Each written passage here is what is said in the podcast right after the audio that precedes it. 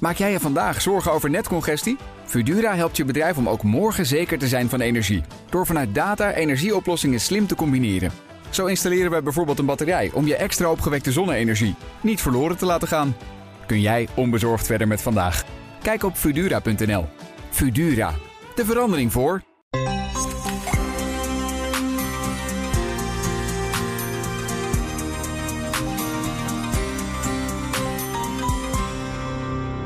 Dit is de Carbon Podcast, een podcast van Nieuwsbureau Energia en Grenzeloos Journalistieke Producties. Ik ben Tijdo van der Zee en in tien afleveringen duiken we in de wereld van de CO2-emissierechten. Met vandaag CBAM, het Carbon Border Adjustment Mechanism. Eerst zal Jos Kozijnse, emissiehandel-expert bij de Climate Neutral Group, puntsgewijs de belangrijke onderdelen van het CBAM belichten. En we sluiten over een half uur af met een blik op de CO2-koersen met Chris Guth, marktkenner bij Engie. CBAM dus, een importheffing op een aantal productgroepen van buiten de EU als er bij de productie ervan meer CO2 vrijkomt dan bij de Europese concurrentie. We praten erover met Mohamed Shahim, Europarlementariër voor de Sociaal-Democratische fractie en rapporteur voor het CBAM. Maartje Wijvelaars, senior econoom bij de Rabobank. En Niels Muller, partner bij PwC van de afdeling Energy, Utilities and Resources. Maar eerst dus Jos Kozijnse. Wat de laatste tijd veel aandacht krijgt is de Carbon Border Adjustment Mechanism, kort gezegd CBAM. Dan gaat het om het importeur van goederen buiten Europa uh, CBAM-certificaten moet kopen die vergelijkbaar zijn met de Europese emissierechtenprijs als ze zelf geen CO2-kosten hebben. Het gaat er eigenlijk om om uh, lekkage van productie naar buiten Europa te voorkomen, de carbon leakage. Dat werd tot nog toe voorkomen door de industrie op grond van een uh, CO2-benchmark nog een aantal, groot aantal rechten gratis te geven en de rest te veilen. Europese bedrijven hebben natuurlijk wel andere kosten aan klimaatbeleid. Er is klimaatbeleid binnen de industrie. Nou, gaat met name over staal, ijzer, cement, aluminium, eh, kunstmest en stroom.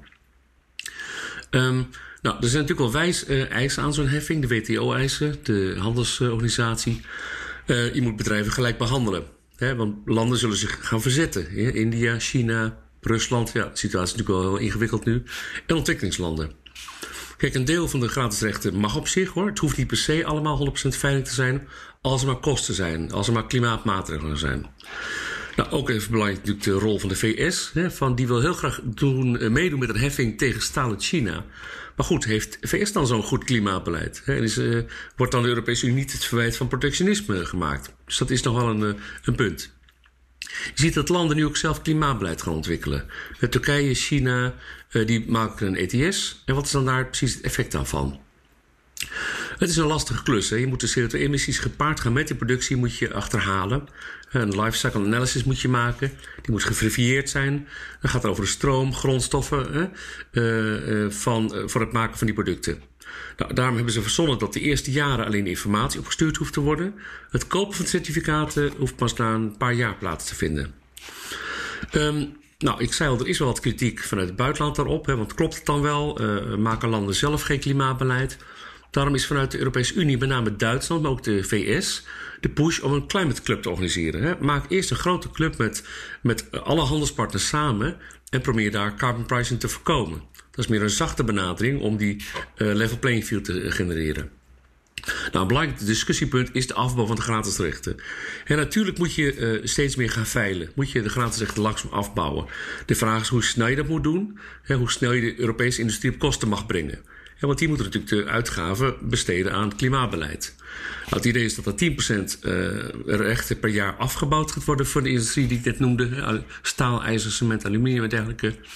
Uh, en de vraag is nog, hoe snel gaat dat gebeuren? De Europese Unie staat nog niet over uit. En het kan ook zijn dat dat punt nou juist aan de orde komt bij uh, de herziening van het ETS zelf. Nog niet direct onder het CBAM zelf.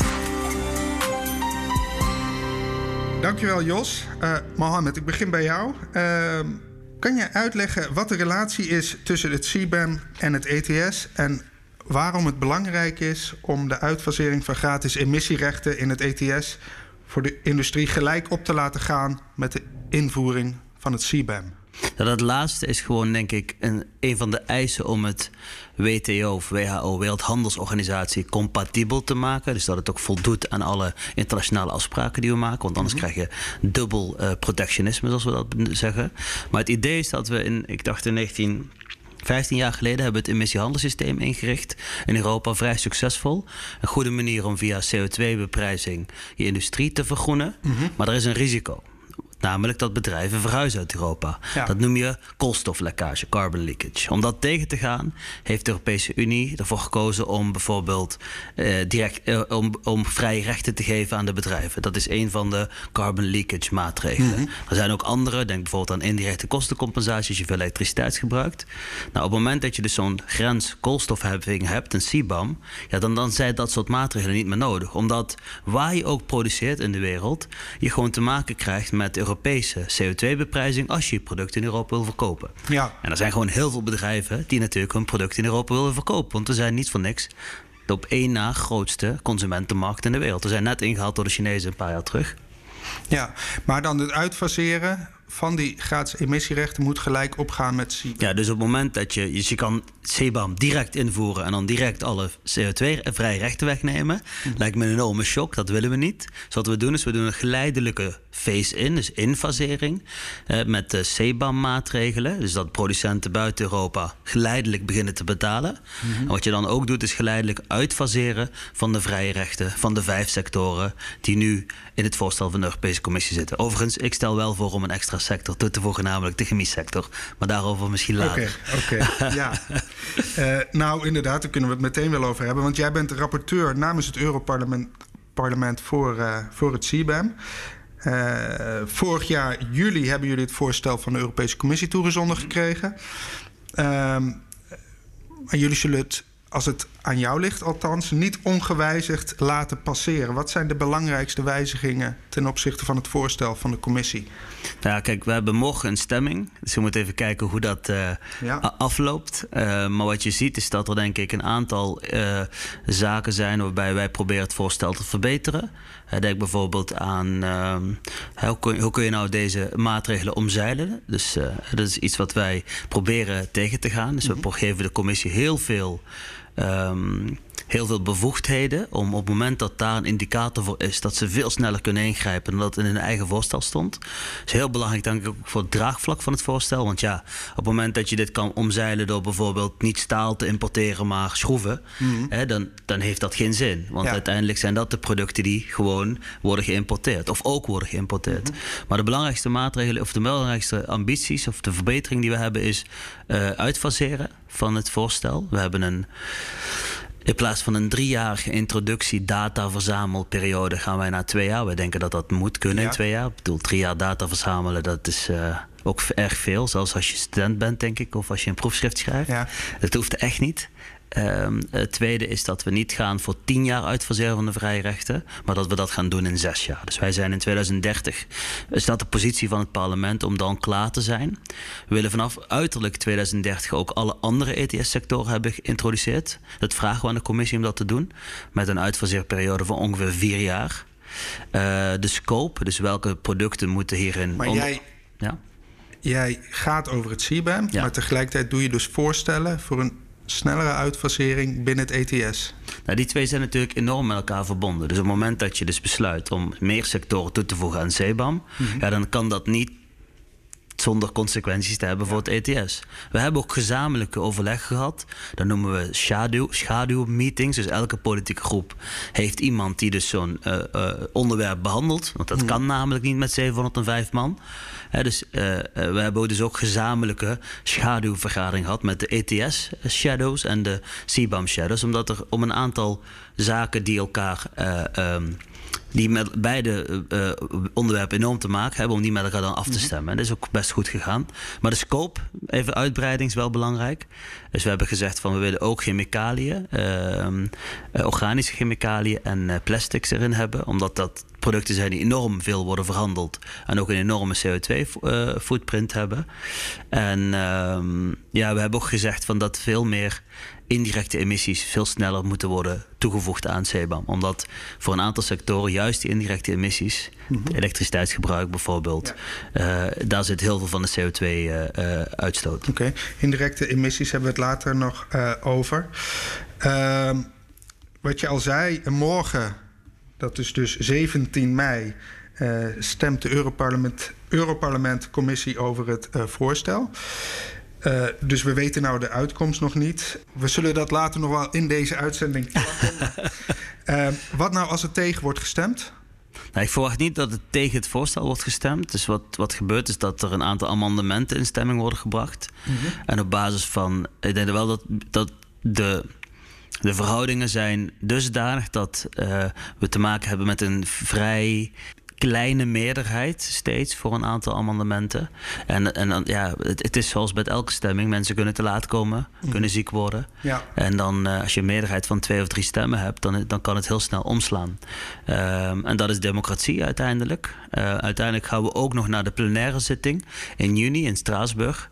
En ik hoop dat we daar in ieder geval iets meer tot elkaar kunnen komen. Dat we niet meer op één of twee stemmen. Zijn dat geen formaliteiten daar in de plenaire meestal? Of? Nou ja, dat, dat hoeft niet. Uh, dit soort vrij gevoelige onderwerpen kunnen met één of twee stemmen besloten worden. Ja. Ik hoop dat niet. Ik ben ook voor om zo veel mogelijk met elkaar het gesprek te blijven voeren, ook na de commissie. Mm -hmm. Zodat we straks. Want kijk, dit is, dit is maar één stap. Dit is de eerste lezing van het parlement. Ja. En dan gaan we nog in onderhandeling met de raad. Ja. Dus hoe steviger het mandaat van het parlement is, hoe makkelijker je natuurlijk die overleggen kunt dus de Raad van Ministers, daar moet nog uh, mee worden onderhandeld. Zij moeten ook besluiten. Ja. Um, even dan kort de, de, de planning. Wanneer moet het helemaal door alle verschillende instanties zijn goedgekeurd en in werking treden? Nou, uiteindelijk is dat dus 31 december 2022 als laatste moment. Want je wil natuurlijk 1 januari 2023 beginnen met de transitieperiode, waarbij we starten met een administratie. Dus we gaan kijken hoe we CBAM gaan invoeren. Mm -hmm. Dus alles gaan we introduceren, behalve de daadwerkelijke afrekening. Een dag na de opname van deze podcast en vlak na de stemming in de Europarlementscommissie belde ik uh, Mohamed Chahim met de vraag wat de uitslag was en of hij tevreden was. Uh, even een waarschuwing: de kwaliteit van de audio is niet al te best. Ja, ik ben wel tevreden, ja. Ja, het is uh, beter dan ik had verwacht. Alle amendementen zijn goedgekeurd. De definitieve stemming 49 voor. Drie mensen hebben het onthouden en ik dacht 33 tegen. Het is een hele belangrijke stap. Maar uh, nog niet uh, het einde. Er komen nog hele zware onderhandelingen en die beginnen morgen. Wij kunnen denk ik nou dus uh, met een gerust hart weer verder met de podcast. Ja, zeker, zeker. Niels, kan jij me aangeven wat de historie is van het idee van uh, een koolstofgrenscorrectie? En zijn er voorbeelden elders in de wereld? Ja, dat komt eigenlijk uit de periode die Moment net ook al even noemde. Hè? De, het Kyoto-protocol, waar, eh, waar toen uh, over werd onderhandeld. Op een gegeven moment is, is de, zijn de Verenigde Staten daar uh, van, van weggebleven. En toen is de, door de, de, de, Franse minister Philippin al, al geopperd dat er dan toch iets van een bescherming moet komen van de Europese markt. Als je mm -hmm. koolstofprijzen hebt die heel erg uiteenlopen dat je dan op een wereldmarkt niet meer kan concurreren. En, uh, en, en grappig genoeg is uh, in de tussenliggende periode het, het idee al een aantal keer opgekomen in Amerika. Uh, onder andere in de staat California is, is, een, is een vorm van een carbon border mechanism ingevoerd. Um, met een lage prijs. Goed, misschien Want zij hebben daar ook een ETS, hè? Ze hebben ook een eigen ETS. Dus, dus op, op, op, op niveau van de staten is daar, is daar wel het een en ander aan ontwikkeling geweest. Um, en ook de, de Biden Administration had het in eerste instantie wel uh, als idee, maar hebben dat ondertussen weer verlaten. Maar goed, de, de, de ontwikkelingen volgen zich snel op. Dus het, ja, afhankelijk van waar de EU mee komt, zouden de, de Amerikanen toch maar eens mee kunnen gaan bewegen daar. Hmm. Ik denk wat, wat interessant is om te zien, is dat er toch wel een vrij grote consensus bestaat. Uh, dat, dat er een hogere globale carbon price moet komen. En hè, dat, dat idee leeft ook in Amerika en zelfs ook in China en in, in heel veel landen is, is men het toch wel over eens dat er een hogere CO2-prijs moet komen. Alleen hè, vooral de timing, en dat hoor je ook aan, aan uh, Mohamed, en de samenhang der dingen. Ik denk dat daar de grote uitdagingen zitten. Ja. Maar dat er een hoge CO2-prijs gaat komen, dat is, uh, dat is denk ik een feit. Ja. Alleen hoe snel en wanneer, dat, dat is vooral de uitdaging, denk ik. Ja. Maar zo dwingt Europa het een beetje af in de rest. Nou ja, dat is wat de commissie ook uh, als een van zijn uh, doelstellingen ook op heeft genomen bij het, bij, het lanceren van dit voorstel. Ook om te hopen dat andere landen mee gaan werken natuurlijk. Ja. Want als je een vergelijkbare prijs hebt, heb je geen last van CBAM. Nee. Hè? Dus, um, en en er is al een aantal landen die ook hebben gezegd van nou, dan gaan wij in reactie daarop ook een vergelijkbaar systeem uh, optuigen. Of in ieder geval een vergelijkbare mm. prijs. Uh. Ja. Zou dat de beste reactie vinden van alle landen. Trouwens, dit is een beetje de paradox van verandering. Hè? Want iedereen wil verandering, maar niemand wil veranderen. Dus het moment van wanneer gaan we dit dan uitfaseren, dat is een beetje de vraag ter vragen. Mm-hmm. Dat moment komt altijd te vroeg. Ja, en jij vindt, dat, jij vindt je kan niet uh, vroeg genoeg zijn eigenlijk. Hè? Nou ja, dat, dat, wat, wat ik wil, en dat is, daar ben ik echt heel serieus in. Ik wil dat onze industrie, de sectoren waar we heel veel geld, heel veel geld mee verdienen, mm-hmm. dat die er over twintig jaar nog bestaan. Ja. En dat moet doordat wij dadelijk met hen gaan nadenken over hoe kunnen we die industrie zo groen mogelijk maken. Mm-hmm. Dat is het antwoord, denk ik, wat we volgens mij met z'n allen moeten proberen uh, werkelijkheid ja. te maken. Nou, als we dat niet doen, dan vrees ik dat. Ik bedoel, in Azië zijn ze ook niet uh, dom. Dan weten ze ook wel wat, welke richting het uitgaat. Mm-hmm. En uh, ja, die, die, die, dit is gewoon een race. En die race wil ik gewoon heel graag in Europa winnen. En het liefst ook voor een groot gedeelte in Nederland winnen. Ja. En het kan. Ja. Maartje, um, we gaan even naar de effecten die uh, mogelijk zijn. Rabobank heeft onderzoek gedaan naar de te verwachten effecten van CBAM. er zijn effecten binnen Europa te verwachten bij verschillende lidstaten. En effecten van, lid, van landen buiten Europa natuurlijk. Uh, kan je aangeven welke EU-lidstaten uh, vooral effecten hebben van een hogere geïmporteerde koolstofprijs? Ja, daarvoor hebben we gekeken naar okay, welke EU-lidstaten importeren nou relatief veel van die CBAM uh, producten vanuit mm-hmm. niet-EU-lidstaten. Dus lidstaten die niet te maken hebben met, uh, ja, met, met een ETS-systeem, uh, zoals wij dat kennen. Ehm, dan zien we dat Bulgarije die lijst aanvoert. Ja. maar ook in, in Griekenland, Italië daarna weer ja, importeren relatief veel van die CBAM-producten vanuit waar, buiten Waarom is Bulgarije dan zo afhankelijk daarvan? Wat, wat, welke producten zijn dat bijvoorbeeld? Nou, dat, dat gaat om. Ja, dat zijn eigenlijk banden van uit, oudsher uit. Uh, dus bijvoorbeeld staalimporten uit, uit Rusland, Oekraïne. Uh, landen. Ja, die grote staalexporteurs zijn sowieso uh, in, in de wereld. En ja, daar, dat zijn vanuit, ja, vanuit de geschiedenis zijn die banden natuurlijk sterker. Um, en halen zij daar veel van die producten uit. Dus um, ja, als er dan zo'n CBAM wordt geïntroduceerd, als je puur zang alleen kijkt, als je die CBAM lostrekt, ja, dan worden die landen uh, relatief harder geraakt. Uh, dan hebben we het nog steeds wel maar tussen aanhalingstekens over 2% bbp ongeveer. Um, aan inkoopwaarde van, van, die, van die producten. Uh, dus op macroniveau kan je nog steeds denken dat valt wel mee voor bepaalde ja. sectoren. bedrijven specifiek kan dat natuurlijk zeker wel een, um, ja, een slag zijn of ja, een impact hebben. Um, maar wat ik zeg, dit is wel puur zang als je kijkt naar, naar die CBAM alleen, als je die los zou introduceren. En dat zo moeten we er natuurlijk ook niet bekijken, want ja, zoals we het eerder al hier hebben benoemd, uh, is het gekoppeld aan ook de uitfasering van vrije rechten um, van binnen het ETS-systeem in, in Europa. Um, dus als je uh, dat samenpakt en je zou zo'n CBAM niet introduceren en je krijgt lekkage van je het koolstoflekkage, je krijgt verhuizing van, van die productie van de Europese industrie naar buiten Europa, dan raakt dat die landen ook. Ja. Dus dat moet je ook in acht nemen. En dan kan je zeggen, oké, okay, nou dan willen we dat ook niet. Maar ergens zal je toch naar die reductie moeten van die, van die koolstofuitstoot, van die CO2-uitstoot. Ja. En dat hebben we met elkaar afgesproken. Daar hebben al die landen mee ingestemd. Dus wil je dan en niet de CBAM en niet die uitfasering van die vrije rechten binnen het ETS, dan moet je komen met andere maatregelen ja. die mogelijk nog veel hogere kosten met zich meebrengen. Dus ja. ja maar um, je zegt 2% van de. Uh, binnenlands, bruto binnenlands product, dus van de hele ja. economie. Maar zijn dat uh, percentages die, uh, nou, gewoon maatschappelijk ongenoegen teweeg kunnen brengen? Of, of is dat, uh, valt dat mee? Ja, dat is natuurlijk een, een lastige vraag. Um, kijk, het komt wel nu in het licht ook van, van, van sowieso al uh, oplopende kosten, hogere mhm. energieprijzen, hogere prijzen voor, voor, voor, producten. Dus ja, dat telt daar dan uh, bij op. En ja, nogmaals, het is op macroniveau lijkt dat wel behapbaar. Hmm. Um, maar specifiek voor een bedrijf of een sector die, die alles importeert uit Rusland uh, of uit Oekraïne. Nou, de situatie nu sowieso natuurlijk allemaal lastig. Maar hmm. um, ja, voor zo'n bedrijf of voor, voor, de, voor een bepaalde sector in de industrie kan het wel degelijk een grote impact hebben. En, ja. Ja, daarom wordt er ook wel gekeken binnen het hele Fit for 55 pakket om via andere manieren ondersteuning te bieden om pijn te verlichten. Ja, zoals? Nou, er wordt gesproken bijvoorbeeld om bepaalde opbrengsten uit, uit het ETS of uit de uitbreiding van het ETS-systeem te steken in innovatie of in steun van armere huishoudens of, of bedrijven die dat nodig hebben om, ja, okay. om de zekerheid niet weg te nemen. Ja, dan naar landen van buiten Europa.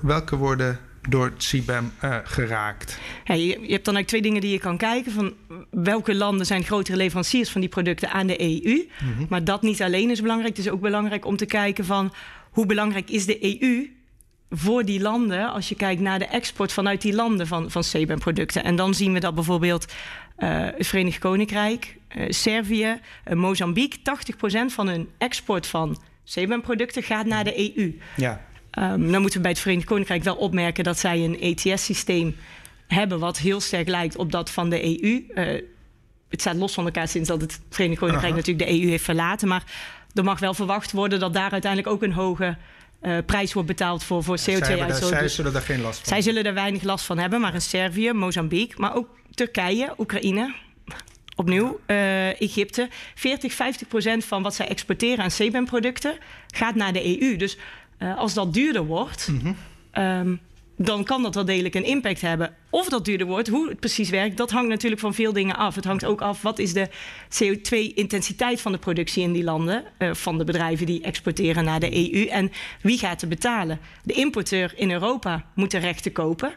Um, maar wie heeft er meer macht, die importeur of die exporteur? Ik, ja. Wie heeft de mogelijkheid om, om, om te zoeken naar alternatieven?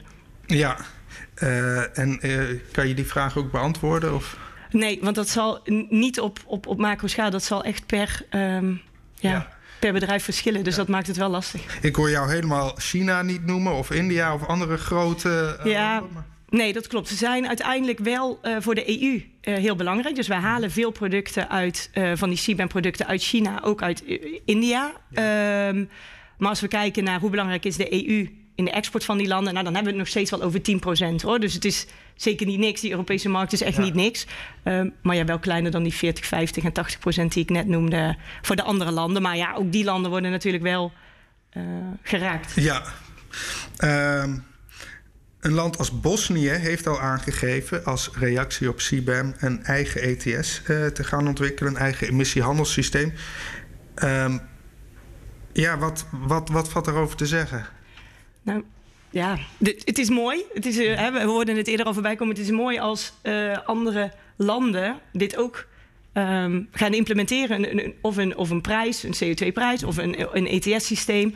Uh, want dat is wat we uiteindelijk willen vanuit de EU. Hoe dit precies nu in zijn werk gaat dadelijk in, in, in Bosnië dat durf ik niet te zeggen. Die zover gaat mijn kennis niet. En nee. uh, Bosnië springt er ook niet uit in onze uh, analyse qua, qua, kwetsbaarheid voor, voor de specifieke CBM um, ehm, proposal, uh, voorstel wat er nu mhm. ligt. Um, maar goed, ja, in beginsel is het een, een, mooi iets als andere landen dit ook een, een ETS gaan introduceren. Want dat is uiteindelijk wat de EU wil. Gewoon wereldwijd beprijzing van CO2. Ja, uh, maar die prijzen die moeten natuurlijk wel uh, goed geadministreerd uh, worden. Ehm, Niels, aan jou de vraag. Um, buitenlandse bedrijven moeten straks aangeven hoeveel CO2 er vrijgekomen is bij de productie van hun product. Uh, dat leidt dan tot die bepaalde importheffing. Hmm. Um, hoe weten we nou um, dat het precies klopt wat er op die papieren staat? Nou ja, de, van het voorstel gaat nu uit van een bepaalde CO2-intensiteit per product. Dus als je niet kan aantonen eh, hoe jouw productieproces er precies uitziet. Mhm. Dan wordt er een bepaalde standaard gewoon op losgelaten. En dan moet je over die standaard moet je, uh, moet je gaan afdragen. Ja. Of die rechten gaan kopen. Um, maar dat is, dat is wel een van de grote vragen. Van ja, hoe, hoe ga je inderdaad in je productieproces de, de CO2-intensiteit uh, bepalen? En in heel veel landen is daar geen systeem voor. En is er ook geen controle op. Hè? En wij krijgen juist heel veel vragen van collega's uit, uit landen waar geen systeem is. Van hoe doen jullie dat eigenlijk? Hè? Want ja. ETS eigenlijk een heel mooi systeem. We hebben een hele grote database. Met, daar zitten 12.000 installaties in. En we weten exact op de, op de gram nauwkeurig hoeveel dat uitstoot. En, hè, dus wij hebben dat eigenlijk in de afgelopen nou, 15, 20 jaar opgebouwd in de Europese Unie.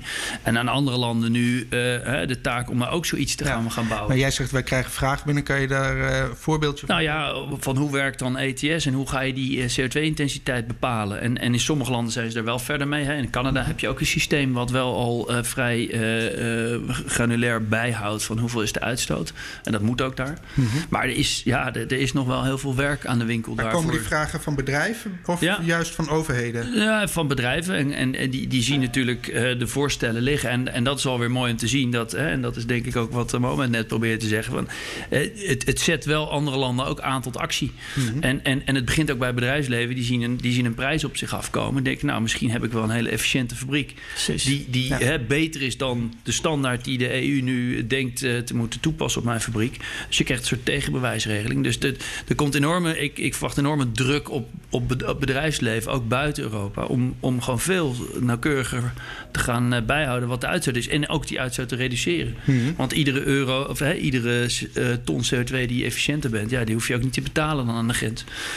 Is het andersom ook zo als je nog veel zuiniger bent dan de Europese norm dat je daar een soort van vergoeding voor krijgt? Of Ja, volgens mij gaan we geen cadeautje. Ja. maar die vergoeding zit er maar in. Het feit dat je dus beter bent en beter produceert. Ja. daar zit hem de vergoeding. Trouwens, we hebben bedrijven als uh, Pricewaterhouse en allerlei andere uh, uh, bedrijven in, op dat gebied straks nodig. Ik bedoel, het is niet zo dat wij naïef zijn in Europa. Wij, wij gaan uit van vertrouwen, maar we hebben de systematiek hebben echt wel op orde.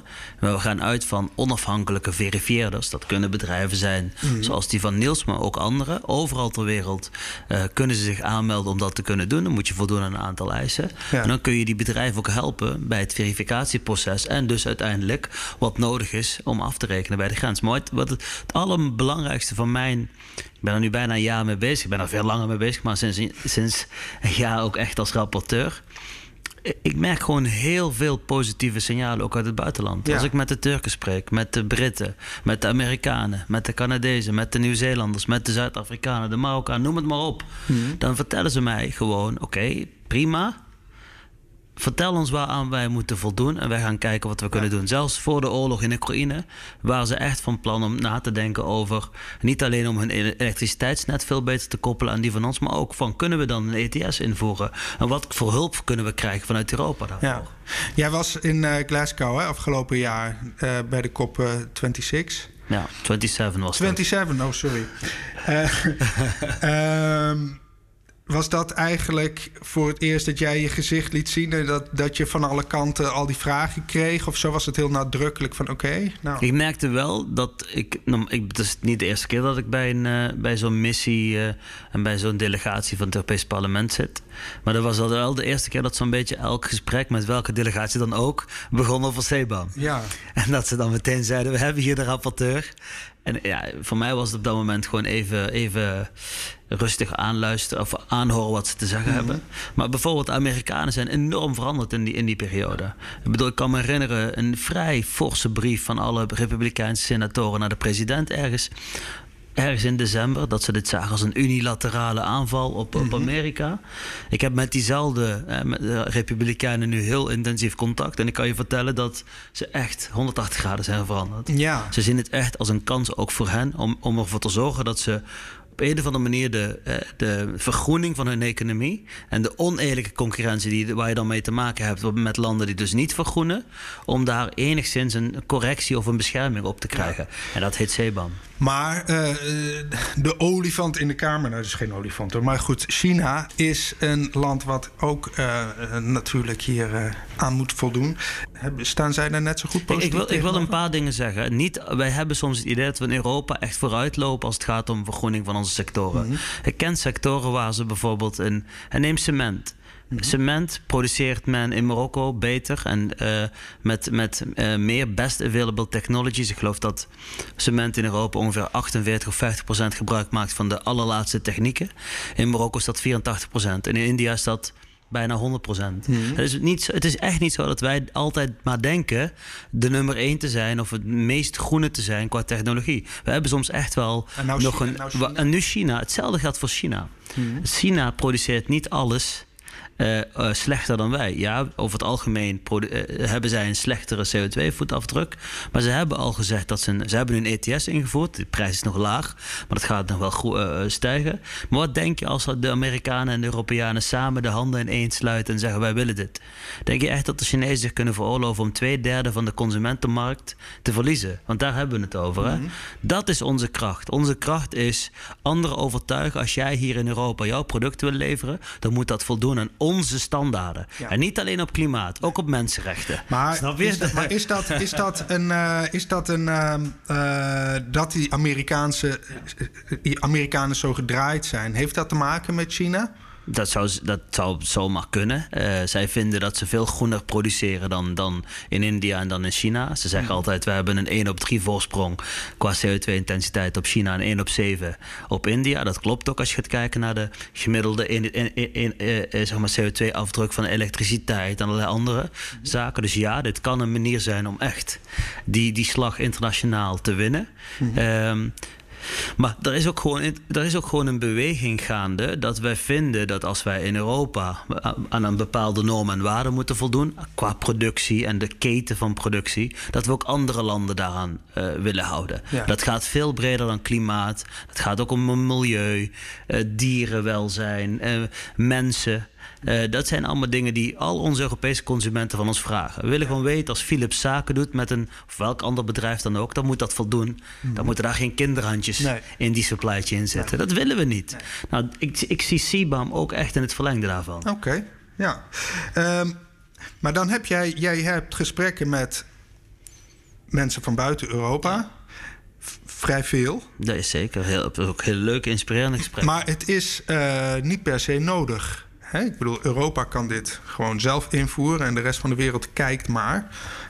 Uh, waarom vind jij het toch belangrijk om de wereld mee te hebben, zeg maar? Nou, uiteindelijk, uh, CO2 discrimineert niet, hè? Waar, het ook, uh, waar het ook in de wereld wordt geproduceerd. We hebben er allemaal last van.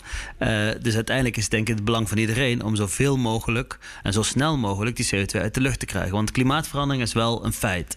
En, en um, uit, al deze maatregelen, als we gaan kijken naar de, uh, de tijdlijn, we hebben het over 2050, waarbij wij klimaatneutraal willen zijn. China zegt dan 2060. Dat is als je gaat kijken naar een investeringstijdlijn, relatief weinig. We hmm. hebben niet zoveel tijd meer.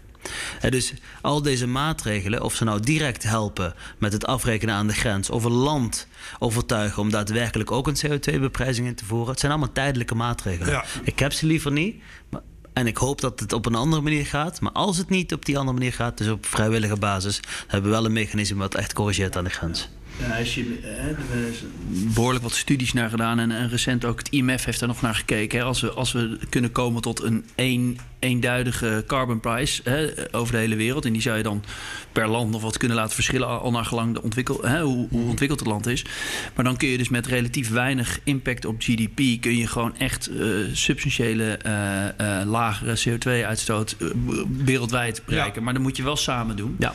En als, je, hè, als je een stukje van de puzzel oplost en de rest niet, ja, dan zijn wij straks hier in Europa een beetje de, het, het, lelijke eentje. Of het mooie eentje met de lelijke eentje buiten. Maar... Ik zie Sebam echt als een eerste stap richting wat nu Niels zegt. Ja, oké. Ehm, goed, we hebben het gehad over uh, producten die geïmporteerd worden in Europa. Maar er zijn nou ook uh, geluiden, exporterende bedrijven. Uh, van de European Roundtable of Industrialists bijvoorbeeld. Shell zit er ook bij. die hebben gezegd: wij hebben op de mondiale uh, markt last van de CO2-prijs die we betalen. Dus wij verdienen ook een vorm van steun onder het CBAM. Um, Maartje, wat vind jij daarvan? Ja. um, kijk, het is.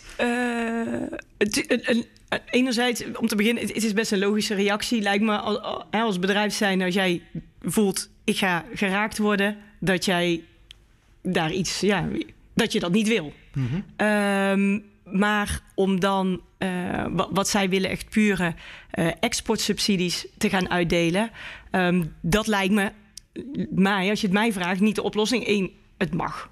Uh, het, het, zal heel hoogstwaarschijnlijk niet compatibel zijn met, met de richtlijnen van de Wereldhandelsorganisatie. Dus mm -hmm. dat kan niet. En uh, ik denk dat dat ook niet de weg is om te gaan. Uiteindelijk zullen die bedrijven um, moeten vergroenen. En je kunt ze daar wel of en verduurzamen. Je kunt ze daarbij wel helpen eventueel. Je kunt kijken om te gaan investeren of eh, funding, eh, fondsen te, te bundelen om die bedrijven te helpen te vergroenen en op die manier de pijn te verzachten. Dan heb je een soort win-win, want dan help je en uh, het, het, klimaat en je helpt, je, je haalt misschien een nadeel weg uh, bij die bedrijven. Dus vanuit dat open kan ik wel denken, oké, okay, dat, dat is misschien een weg om, om te onderzoeken of dat dat uh, een, een optie is. Ja.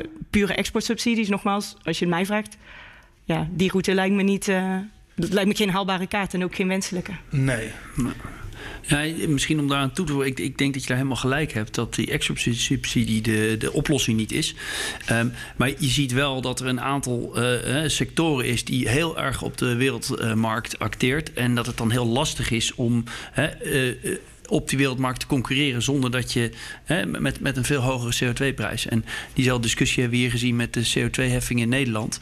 Um, en daar heeft ook vanuit de overheid gezegd: van, nou ja, we gaan jullie inderdaad helpen met uh, innovatiesubsidies. Er komt uh, jullie elektrificatieproces.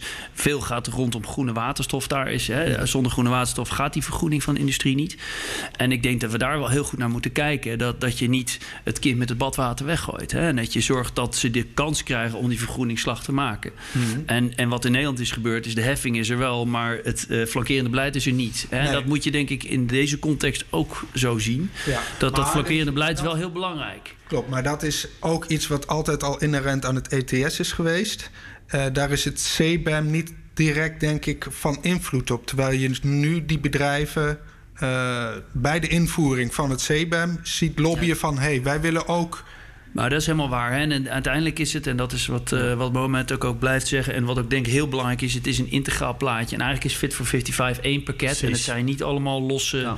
Uh, hè? Maar, maar ja, zo werkt natuurlijk ook Brussel. Het zijn allemaal losse onderdelen. En elke keer als er iets in stemming komt... dan krijg je natuurlijk een bepaalde dynamiek. Ja. Maar je zou dat als integraal onderdeel moeten zien. Dus de vrije rechten, CBAM, uh, hulp uit het innovatiefonds. Hè? Dat is één één en hetzelfde vraagstuk. Ja. En eigenlijk moet je inderdaad dan naar de business case van bedrijven kijken. Van ja, en wat voor markt acteer je? Um, en heb je dan inderdaad Maar begrijpen nodig? deze bedrijven dat ook? Zeggen ze van wij willen export, uh, uh, wij willen dat CBAM ook zich bezighoudt met export om later dus uh, gebruik te kunnen maken als een soort wisselgeld? Uh, nou ja, ik denk ja. dat ze dat heel goed begrijpen. Maar ik denk dat ze ook bang zijn voor wel een heffing en, en geen flankerend beleid. Zoals we in Nederland al hebben gezien, dat wat, wat al ja. bewaarheid is. Dus ik snap wel dat ze op dit moment hun vinger opsteken. Ja. Maar het extra-subsidie-instrument is denk ik nee. niet de weg. En heeft Shell, uh, Mohammed, bij jou al aangeklopt? Of, ik, heb gewoon een hele lijst met bedrijven. Ik, denk dat zo'n beetje iedereen die CBAM volgt, mij uiteindelijk heeft kunnen vinden. Mm-hmm. Uh, dus dat is het probleem niet. Ik heb ook heel veel bijeenkomsten gehad met het bedrijfsleven, NGO's, um, wetenschappers, om te kijken van oké, okay, heb je nou goede ideeën of mooie ideeën? Kijk uiteindelijk, hè, wat Niels zegt, het, is zeg maar wel. Wat ik mooi vind aan de European Green Deal is dat het eigenlijk. Er zijn eigenlijk drie zuilen die enorm belangrijk zijn. Waar eigenlijk dat hele, die hele European Green Deal wordt, op wordt, of waarmee het wordt gedragen. Ik denk dat het fundament is de Europese Klimaatwet. Hè. Wij nemen dat heel serieus. De Klimaatwet is een wet en wij maken geen wet om ze volgens te verbreken. Maar er staan drie pijlers. Eén zijn alle onze mooie strategische plannen. Uh, dan heb je een pijler met allerlei wetgeving, Fit for 55. En er is één zuil die we vergeten. Dat is namelijk de investerings- of financiële pijler. En er zijn echt niet normaal hoeveel fondsen uh, of, of, uh, of instrumenten die wij bedenken op Europees niveau die de bedrijven gaan helpen.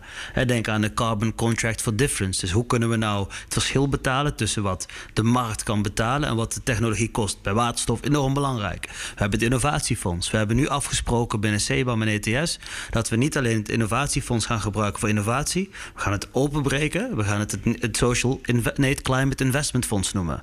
Dus ook producten of, of uh, uh, ook op bij het opschalen van technologie. Dus niet alleen het ontwikkelen van de technologie, maar daadwerkelijk het bouwen van bijvoorbeeld een waterstoffabriek kan dadelijk via dat fonds. Mm voor CBAM hebben we gezegd alle vrije rechten. Want uiteindelijk draait het om de vrije rechten. Alle vrije rechten die we versneld uitfaseren, gaan we specifiek gebruiken voor die sectoren. Dus op het moment dat jij enorm moet investeren om te concurreren met het buitenland, dan krijg je gewoon via het innovatiefonds of via de dedicated CBAN vrije rechten, mhm. krijg je geld om te investeren in die ja. nieuwe technologie. En dat is de manier hoe wij het buitenland voor kunnen blijven. Ja, maar is, zijn, is, wordt er dan ook inderdaad uh, voorrang gegeven aan bedrijven die voornamelijk exporteren naar buiten Europa? Ik bedoel, want dat is dan. Kijk, wij willen geen greenwashen van onze handel. Nee. dus dat je in Europa betaal je voor de CO2-uitstoot. En als je exporteert, dan kan het, kan het via een, een achteruitgang. nogmaals, CO2 maakt niet uit of je dat nou uitstoot in het buitenland of hier. We hebben er allemaal last van. Dus wat wij zeggen, wat wij nu in het voorstel zeggen, wij zeggen tegen de commissie: kijk nu eens binnen de instrumenten die je hebt, of je die bedrijven die enorm afhankelijk zijn van die buitenlandse markt, of je die kan helpen in hun vergroening. Mm Heel specifiek voorrang geeft binnen, dat, binnen, binnen zo'n fonds van fonds. Kijk, want ik snap dat wel. Staal is gewoon een wereldprijs. Ik bedoel, mhm. Het maakt echt niet uit waar je dit produceert. Het is gewoon een prijs die gezet werd in de wereldmarkt. Dus dan, op het moment dat wij dan allerlei kosten extra uh, hebben, heffing of wat dan ook, ja, dan gaat het gewoon af van een marge die al heel klein is. Want ik wil wel dat herkennen hier. Hè. Het is niet zo dat ik helemaal gek ben en niet van deze wereld. We snappen dat. Maar wij denken dat een exportsubsidie niet de oplossing is. De oplossing is onze staalindustrie zodanig vergroenen dat zij zowel op prijs als op CO2 het allerbeste zijn wereldwijd. Dat is niet alleen goed voor vandaag, maar ook over 20 jaar. Oké. Uh, even kort, hè. jij hebt in jouw, uh, Mohammed, in jouw uh, amendement aangegeven indirecte emissies moeten er ook in worden meegenomen. Twee zinnen, wat is dat precies? Het is heel simpel, elektriciteit. Uh, ik heb ook nog een, een, technische truc uitgehaald. Dat ik bij directe emissies heb ik uh, warmte en, en koeling toegevoegd. Uh, het is allemaal technisch, maar indirecte emissies is elektriciteit. Heel simpel. Als je produceert, dan kan dat een deel van je CO2 kan verstopt zitten in de elektriciteit die je gebruikt. Nou, als die groen is in Nederland of, of in Denemarken of in Denemarken of in Zweden of waar dan ook. En je hebt, je hebt te maken met een land als Turkije, waar bijvoorbeeld dezelfde product wordt gemaakt, maar dan op basis van koolelektriciteit, mm dan wil je dat meenemen in je calculatie. Dat dus zat, niet, dat niet in het voorstel van de Europese Commissie. Dat stond er niet goed in. Niet goed? Nee omdat de benchmark, die zij, dus zeg maar de, de referentie waarop, waarmee elektriciteit wordt vergeleken, mhm. dat bij alle andere sectoren ging het steeds om de 10% slechtst presterende bedrijven. Dus laten we zeggen de 10% slechtste installaties in Europa. En bij elektriciteit wordt dat een soort van heel erg wazig gemiddelde. Daarvan hebben we gezegd: nee, we willen zeker landen als Bulgarije beschermen tegen oneerlijke concurrentie uit Turkije. Dus lees uh, uh, uh, fossiele elektriciteit. Ja, dus dan moet je ook die benchmark gewoon goed hebben. Ten eerste, je moet hem meenemen, direct, in je scope. Maar je moet ook ervoor zorgen dat wat je meet ook gewoon eerlijk is. Ja. En op die manier hebben we dat, denk ik, gecorrigeerd. En we hebben brede steun, in tegenstelling tot een aantal andere zaken, brede steun in het parlement daarvoor. Uh, Dan hangt het niet van één persoon af. nee. Goed. Uh, Niels, uh, in het huidige CBAM-voorstel staat, anders dan wederom in het uh, document van de Europese Commissie dat er één centrale CBAM-autoriteit moet komen. Anders dan nou ja, 27 losse CBAM-autoriteitjes. Hoe sta jij daar uh, tegenover? Ja, ik, ik, denk dat dat een heel goed idee is. Uh, anders heb je natuurlijk het risico dat, uh, dat in, in, een exporteurs gaan winkelen in Europa. En je wil met een nieuwe regeling wil je ook heel graag dat het geharmoniseerd wordt ingevoerd. Hm. Hoe zie je dat winkelen voor je dan? Nou ja, dat je gaat proberen bij de CIMEM-autoriteit van een ander land eens te kijken of ze iets, iets uh, gunstigere voorwaarden hebben of het net iets anders interpreteren. En je ziet nu al dat, ook al is er een richtlijn, uh, landen gaan altijd een beetje hun eigen interpretatie aan, toch daarvan mhm. van, van, van van aanhouden. Dus ik denk dat het goed is om dat... Dat scheelt, dat scheelt procenten, dat gebeurt echt, denk je? Eh, dat zie je bij andere wetgeving ook. Dat een richtlijn uh, uh, altijd weer hè, ruimte geeft hmm. voor, voor, voor uitleg en, en, interpretatieverschillen. En, en dat, dat heb je het liefst niet. Zeker niet als je dit een succes wil maken. je zult nog steeds de lidstaten mee moeten krijgen. Want de douane krijgt natuurlijk een enorme taak daarbij. Hè. Dus, dus de lidstaten moeten wel degelijk ook een hele belangrijke rol gaan spelen. Maar dat er een centrale autoriteit is, dat vind ik wel een goed idee. Ja. Jij, Maartje? Ja, van hetzelfde. En misschien om aan te haken op wat Niels zegt. Een voorbeeld is, is bijvoorbeeld de CE-keurmerken van veiligheid. Daarvan heb je wel ja, iedere, in ieder lidstaat uh, autoriteiten die daarover mogen gaan om dat keurmerk te geven. Ja. Ja, dat gebeurt niet in ieder land hetzelfde. Nee, dus dat dus is wordt ook geshopt. Dat wordt ook geshopt. Of, of een concurrentievoordeel of nadeel gegeven aan het een of de andere producent die ja, bij de een of de andere autoriteit uh, dat keurmerk probeert aan te vragen. Dus uh, ik denk dat je dat, niet, dat je dat niet moet willen. Nee. nee. Dus ik ben het heel erg eens met Niels voor okay. die centrale. En waar gaat die komen? Eh, want uh, alle lidstaten... Daar heb ik niet over nagedacht. Oh. Dus alle lidstaten mogen toch hun eigen autoriteit... of hoe heet het? Iedere lidstaat heeft toch de... Kijk, we hebben het, kijk, het kan ook gewoon onderdeel zijn van een bestaande DG. Dus een directoraat-generaal. Een soort van Europese ministerie. Het hoeft niet per se een nieuw instituut te zijn... Oh, of een autoriteit met een vestiging. Dat, op die manier kijken we niet. We hebben gewoon gekeken... hoe zou je nou zoiets invoeren? Praktisch strak, vanaf het begin goed. Waarbij je een aantal problemen waar, waar, we in het verleden mee te maken hebben gehad. Vooral het forum shoppen of het shoppen waar ga je dan. Hè, ga je dat via Bulgarije doen of via Spanje of via Nederland of via Duitsland? Dat willen we gewoon voorkomen.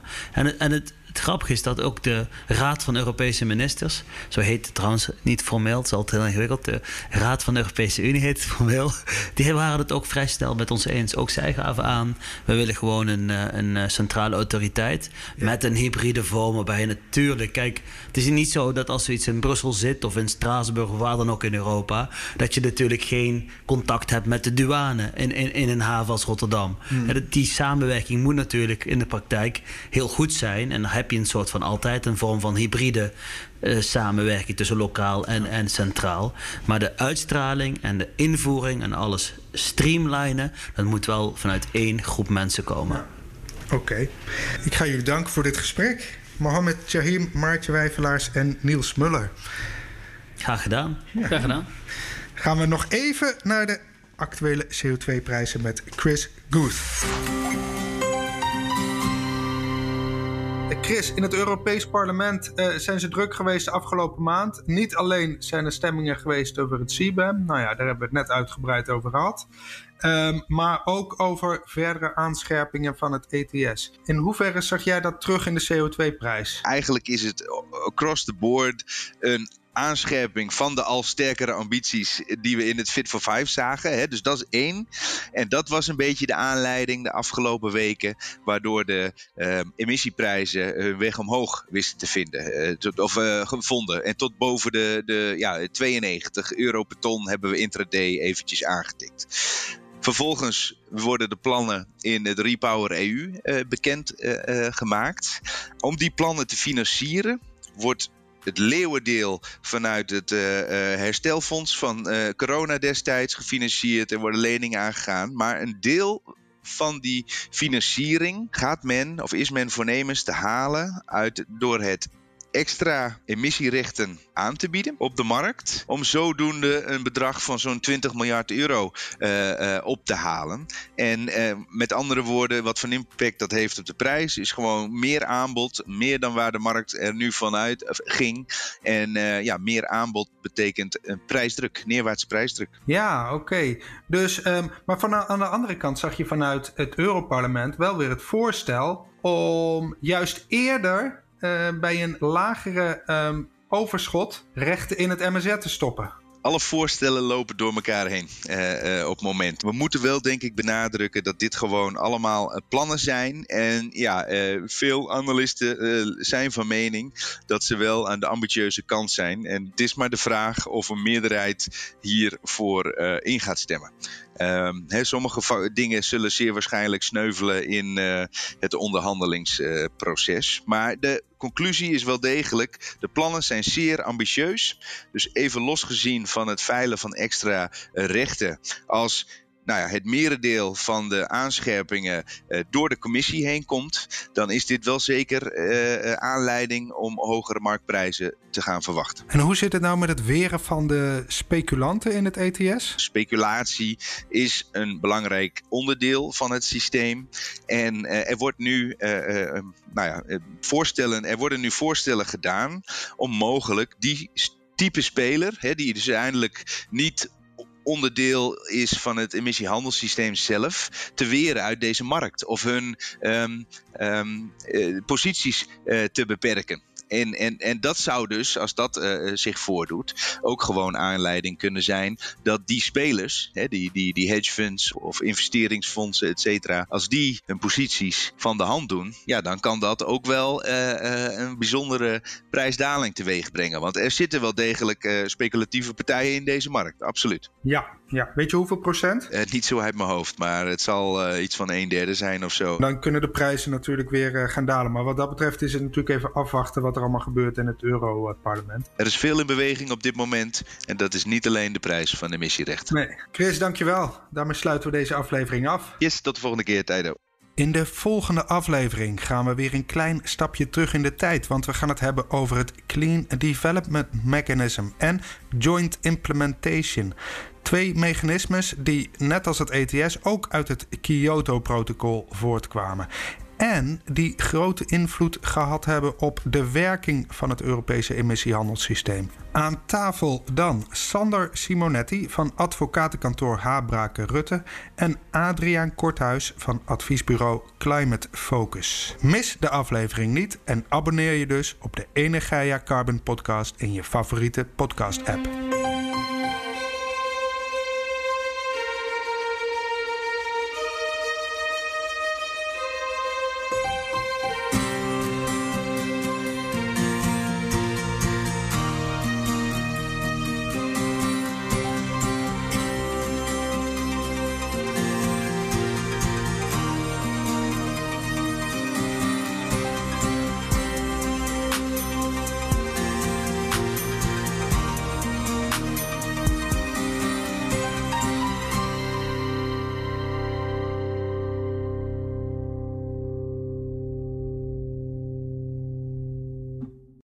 Maak jij je vandaag zorgen over netcongestie? Fudura helpt je bedrijf om ook morgen zeker te zijn van energie. Door vanuit data energieoplossingen slim te combineren.